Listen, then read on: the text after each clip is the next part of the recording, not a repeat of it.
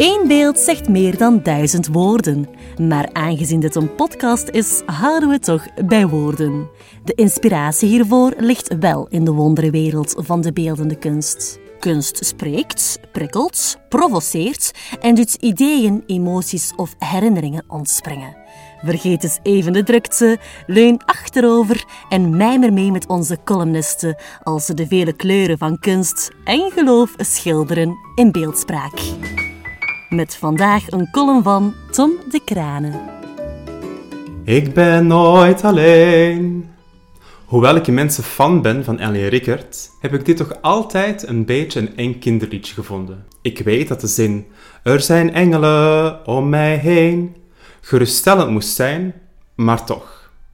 De laatste tijd was ik ook nooit alleen. Zoals zoveel in COVID-tijden moest ik verschillende petten tegelijkertijd ophouden. Ik voelde me als een mislukkende Cirque du Soleil Canadees die bordjes probeert draaiende te houden, zonder dat ze mogen stilvallen en te pletter storten.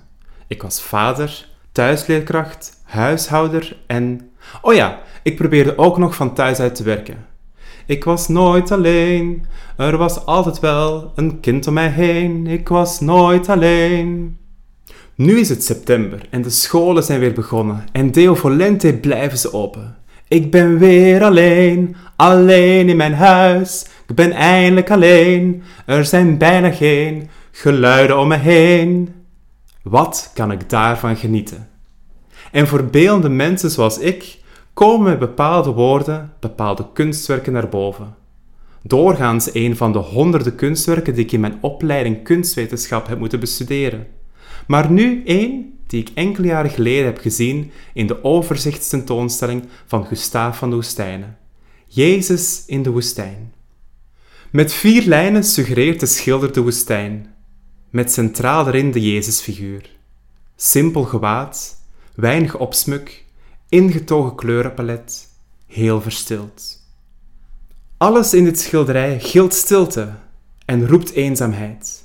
Geen geluid, geen beweging, geen gezelschap.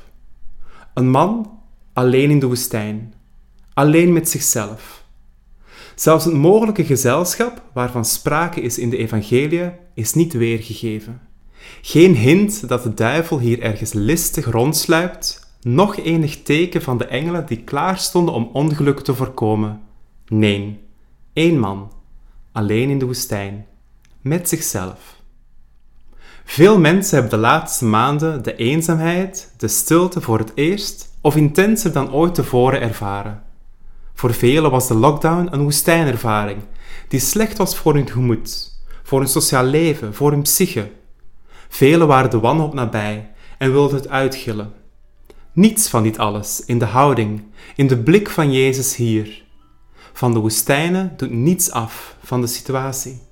Jezus is hier alleen, verstoken van entertainment, gesprekken, vrienden, cafeetjes, werk, familiebezoeken. Maar niets daarvan is te zien in de serene blik, in de half geopende opwaarts reikende handen. Hij is niet alleen.